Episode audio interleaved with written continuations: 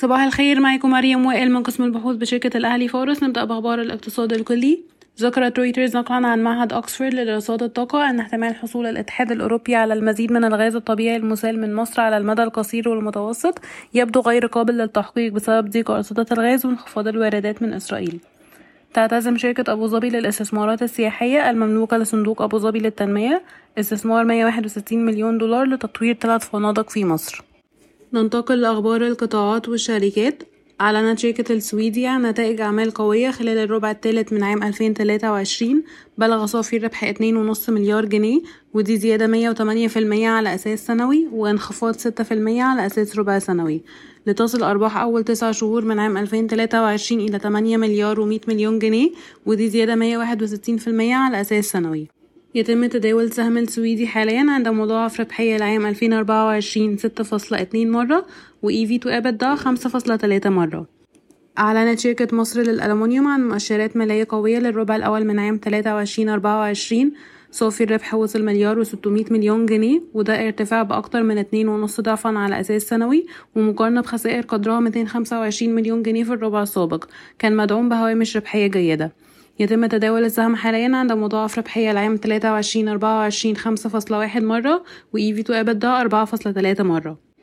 وافق مجلس إدارة مصر الجديدة للإسكان والتعمير على مقترحات حول كيفية استخدام عائدات بيع أرض هليو بارك. بما في ذلك شراء قطعة أرض تطوير هليوبلس الجديدة سداد الديون ووافق مجلس الإدارة على عرض من أحد المستثمرين للمشاركة في تطوير قطعة أرض بمساحة 77 فدان في هليوبلس الجديدة على أساس مشاركة الإيرادات.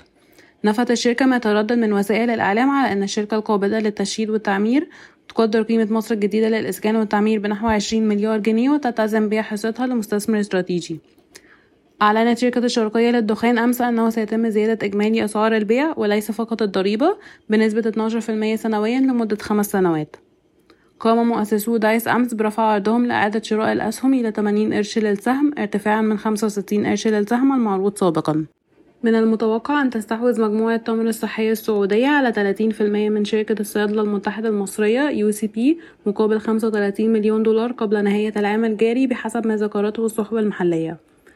يتوقع بنك ستاندرد شارترد أن يبدأ عملياته في مصر بحلول نهاية عام 2023 أصدرت الهيئة العامة للرقابة المالية تقارير أغسطس 2023 والتي أوضحت أن إجمالي التمويل الممنوح من خلال مقدمي خدمات التمويل غير المصرفية بلغ 49 مليار و800 مليون جنيه.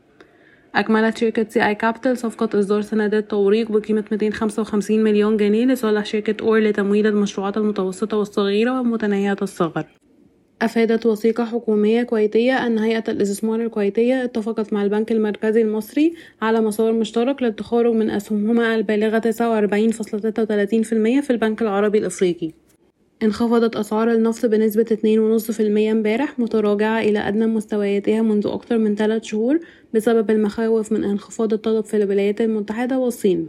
وانخفضت العقود الآجلة لخام برنت بنسبة 2.5% إلى أدنى مستوياتها منذ منتصف يوليو لتصل إلى 79 دولار و54 سنت للبرميل. تهدف شركة هاتشنسون بورتس إلى ضخ استثمارات بقيمة 2 مليار دولار في مصر خلال السنوات المقبلة ومواصلة التعاون في المواني المحلية مثل ميناء السخنة. شكرا ويوم سعيد.